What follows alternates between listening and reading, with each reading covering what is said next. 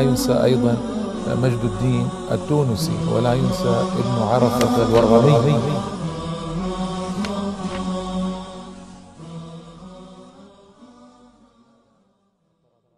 بسم الله الرحمن الرحيم. الحمد لله رب العالمين والصلاة والسلام على سيدنا محمد النبي الأمي الأمين وعلى آله وصحبه أجمعين.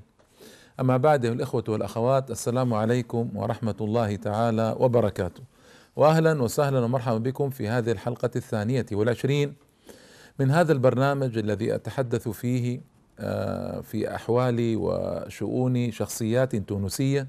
كان لها أثر كبير وعمل جليل. عسى أن نقتدي بهم إن شاء الله تعالى.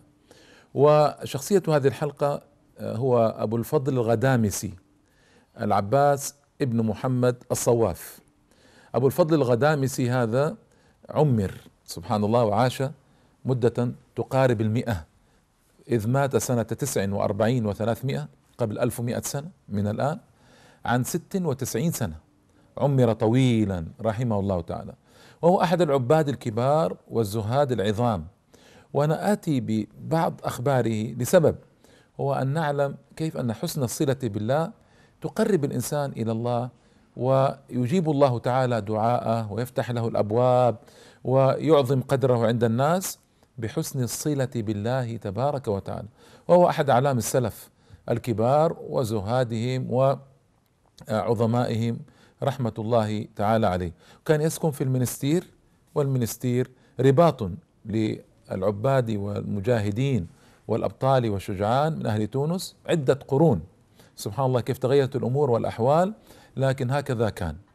وهذا الرجل كان له معلم يعلمه القرآن يدعى بالباجي. هذا المعلم توفي فرآه أبو الفضل الغدامسي رأى معلمه في المنام. قال كيف صنع الله بك؟ قال رحمني وغفر لي.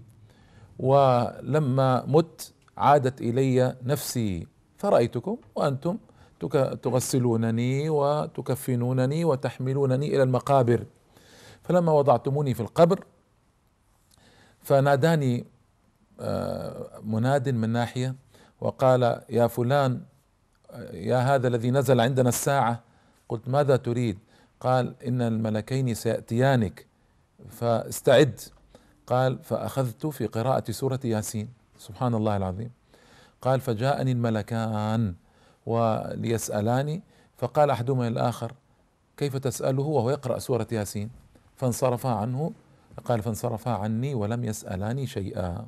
سبحان الله العظيم. وأبو الفضل ثقة من ثقات السلف وهو رأى المنام بنفسه لشيخه الباجي رحمة الله تعالى عليهما. وهذا أبو الفضل يوما من الأيام اشتهى الفول الفول الأخضر هذا. فجاء النبي صلى الله عليه وآله وسلم في المنام لرجل متعبد اسمه محمود وله بستان. قال اذهب إلى بستانك واجمع منه الفول الأخضر واذهب به إلى أبي الفضل الغدامسي. الرجل لما استيقظ فعل ما أمر به ذهب أخذ الفول وذهب به إلى أبي الفضل الغدامسي. قال من قال لك إني اشتهيت الفول؟ قال النبي صلى الله عليه وآله وسلم أخبرني في المنام. لا إله إلا الله. يعني إلى هذا عجب من العجب. أما دعوه الرجل دعوته إلى الله فعجيبة. يوم في يوم من الأيام وهو ماش في الطريق في القصر في المنستير القصر يعني الحصن وجد شابا يعني على هيئة آه، مرجوحة على هيئة يعني عند فيه بعض المنكرات هذا الشاب وضبطه في منكر يفعله. هنا الشاب تضايق. لما عرف أن أبا الفضل الغدامسي شيخ المنستير رآه وأنه سيذهب إلى المرابطين وأنه سيخبر المرابطين وكذا. فالشاب تضايق جدا جدا جدا حتى هم بالرحيل عن المنستير وترك المنستير كلها. لكن انظروا إلى الداعية خلق الداعية الرأفة بالناس الرحمة بالناس. لم يفضح الشاب ولم يذكر ذلك لأحد أبدا وسكت عنه. الشاب بدأ يقلق بدأ يسأل الناس في المنستير هل ذكرني الشيخ بشيء؟ هل أخبركم بشيء؟ قالوا لا. قال ولكنه قال لنا أخبرنا أن نقول لك إنه اشتاق إليك ويطلب منك أن تأتيه. فتعجب الشاب وذهب إليه وهو في غاية الحياء. قال أين أنت واشتقنا إليك وكذا وما ذكر له شيئا مما رآه. انظروا الحكمه والعقل في صنيع هذا العالم العابد. رحمة الله تعالى عليه. والستر على الناس. قال تصلي بنا اليوم. قال كيف أصلي بكم وكذا؟ فأصر عليه. قال تصلي بنا. يصلى بهم قال وتبقى عندنا الليلة وتبيت عندنا وعشاه وبات معه وفي الثاني في اليوم التالي قال له إلى أين؟ قال لا أنا اريد أن أذهب إلى كذا مكان سماه له. وكل هذا استحياء من الشاب استحيا تماما من الشيخ يعني لابعد حد. قال لا لكن ارفع يديك أدعو وأنت تؤمن وكلنا صاحب خطأ يا بني هكذا فقط. كلنا صاحب خطأ. فدعا وأمن الشاب وبكى أبو الفضل الغدامسي وبكى الشاب وأصلح الله ذلك الشاب من ذلك الوقت. فانظروا رعاكم الله كيف الرأفة والرحمة بالناس والتدرج بالناس والستر على الناس وهذا الذي صنعه أبو الفضل هو الصحيح. فإن الإنسان إذا رأى آخر على منكر يستتر بهذا المنكر فلا فلا يجوز له أن يفضحه. لا يجوز له أن يفضحه. أما إذا أعلن المنكر وجاهر به وفرح به فهذا مثل هذا لابد أن يفضح ولا بد أن يذكر. فالستر على أصحاب المنكرات عسى أن يهديهم الله تعالى هو المطلوب شرعا. والله واللهم يعني اجزي ذلك الشيخ العظيم ابا الفضل الغدامسي بما صنع وستر على ذلك الشاب وكان سبب هدايته. هذا الرجل كان مجاب الدعوة وكان آه، صاحب استسقاء. ما أعلم اسمعوا أنا أقول لكم أنا قرأت تراجم كثيرة لأناس استسقوا الله تعالى. لا أعلم أبدا أن أحدا من السلف دعا الله تعالى بنزول المطر فما استجيب له؟ لا إله إلا الله. من أعلامهم وكبار السلف والعباد والزهاد كانوا إذا استسقوا دعوا الله تعالى أنزل الله تعالى المطر. ليس مرة ولا مرتين ولا عشرة ولا عشرين ولا مئة ولا مئتين من حوادث الاستسقاء وكلها عندي مسجلة بفضل الله تعالى. يدعون الله تعالى في أوقات القحط وأوقات المجاعات وكذا فينزل الله تعالى لهم المطر في وسط الصيف والسماء ليس فيها سحابة واحدة فتتجمع السحاب وينزل المطر. لا إله إلا الله. شاب من أهل قيروان جاء إليه بتمر فالتمر كان جيدا فقال من أين؟ قال من القيروان ولا أتى به هذا الشاب فقرب الشاب إليه قال كيف أهل القيروان ودعا لهم وكذا. قال لكنهم في قحط شديد. يخاطب الشيخ في قحط شديد ولم ينزل المطر من مدة. فرفع الشيخ يديه ودعا الله تعالى بأن ينزل المطر على أهل القيروان ضبطوا الوقت. فإذا في الوقت الذي دعا فيه يأتيهم مطر عظيم يملأ كل المواجل المواجل الخزانات اللي تجتمع فيها الماء ويسيل الوادي ويملأ كل هذه الخزانات في القيروان ببركة دعاء ذلك الرجل الصالح أبي الفضل الغدامسي رحمه الله تعالى ورفع قدره. هكذا كان. وهذا طبعا يدل على حسن الصلة بالله تعالى. أنه دعا لهم بالمطر فنزل المطر واستجابة الله تعالى دعاء هذا الرجل العظيم رحمه الله تعالى. أما عن مروءته فحدث ولا حرج. والمروءة خلق يبعث على فعل الجميل وترك القبيح والجود والكرم ومواساة الناس وإعطاء الناس. هذا الرجل كان عجيبا في هذا الباب في الجود والكرم والمواساة والعطاء والفضل إلى حد غريب. يعني مرة كان له ابن عم في آه، غدامس وغدامس اليوم في ليبيا. وابن عمي هذا مات ولم يكن له وارث إلا هو هذا أبو الفضل. وترك بساتين وترك غلاما صالحا يعني عبدا صالحا يرعى هذه البساتين. فأرسل أبو الفضل يشهد على أن الغلام حر وكل البساتين له. لا إله إلا الله. بساتين تساوي اليوم ملايين من الدنانير. يعطيها لهذا العبد ويحرره ويعطيه كل البساتين لا لشيء إلا لأن ذلك العبد كان رجلا صالحا. كان رجلا صالحا لا إله إلا الله فيعطيه كل البساتين ويحرره ويعتقه وعتق العبد مثل حياة ثانية له. فانظروا كيف مروءة هذا الرجل العجيبه أيضا من مروءته مرة جاءه رجل يجري ويلهث حتى سال العرق منه يبشره بوصول آه، سفينة أو مثل قارب مليء بالأرزاق، الأرزاق يعني السكر والدقيق والعسل ومثل هذه الأمور له خاص لهذا أبي الفضل يعني أرسل به شخص آخر إليه. قال ما شأنك؟ قال جئت أبشرك بوصول السفينة.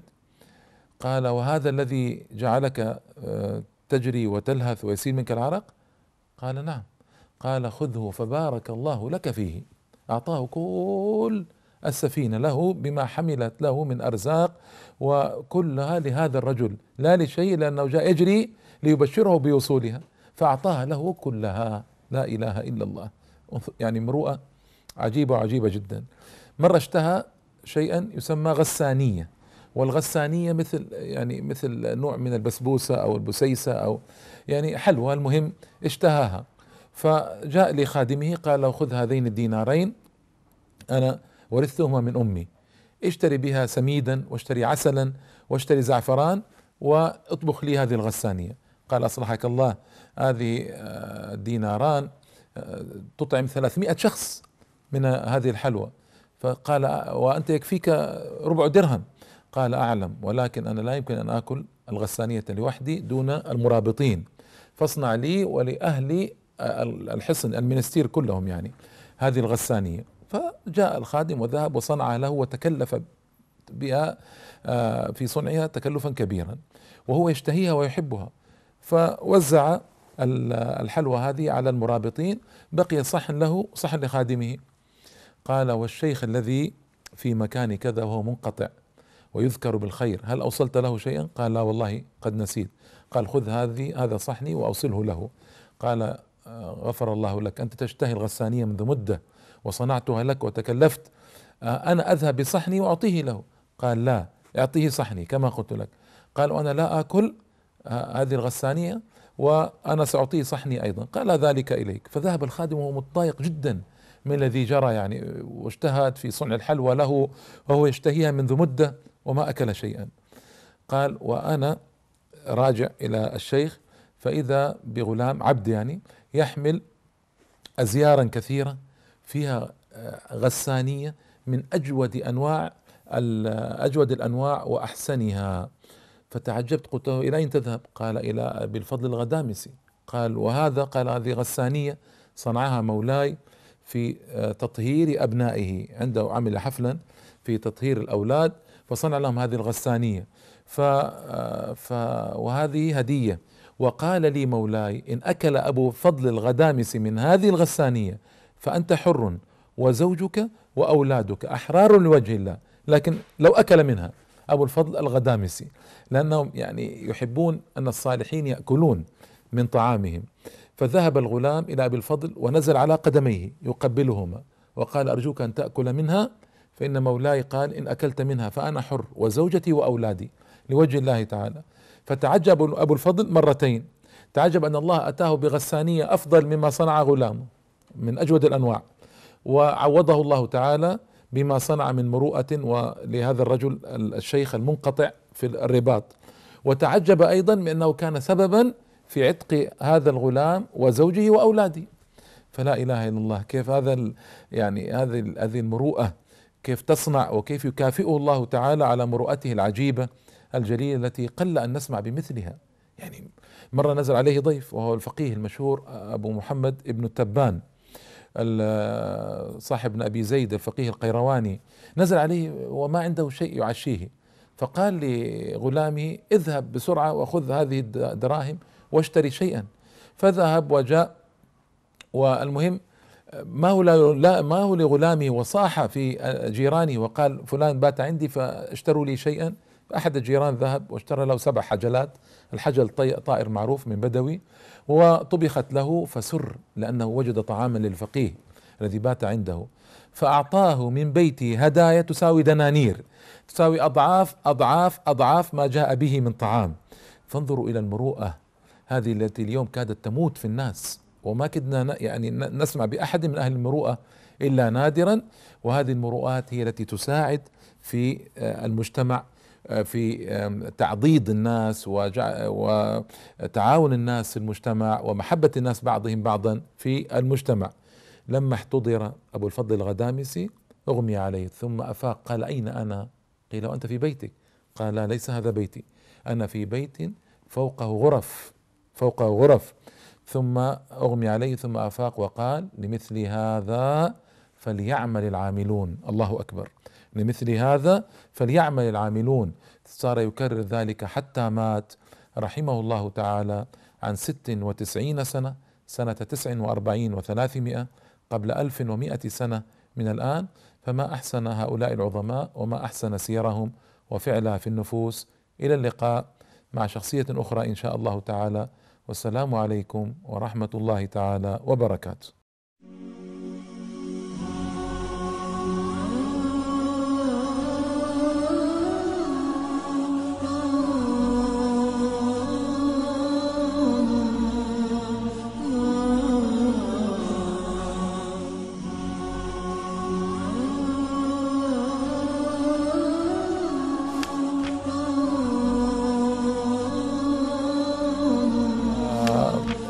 لا ينسى أيضا مجد الدين التونسي ولا ينسى ابن عرفة الورغمي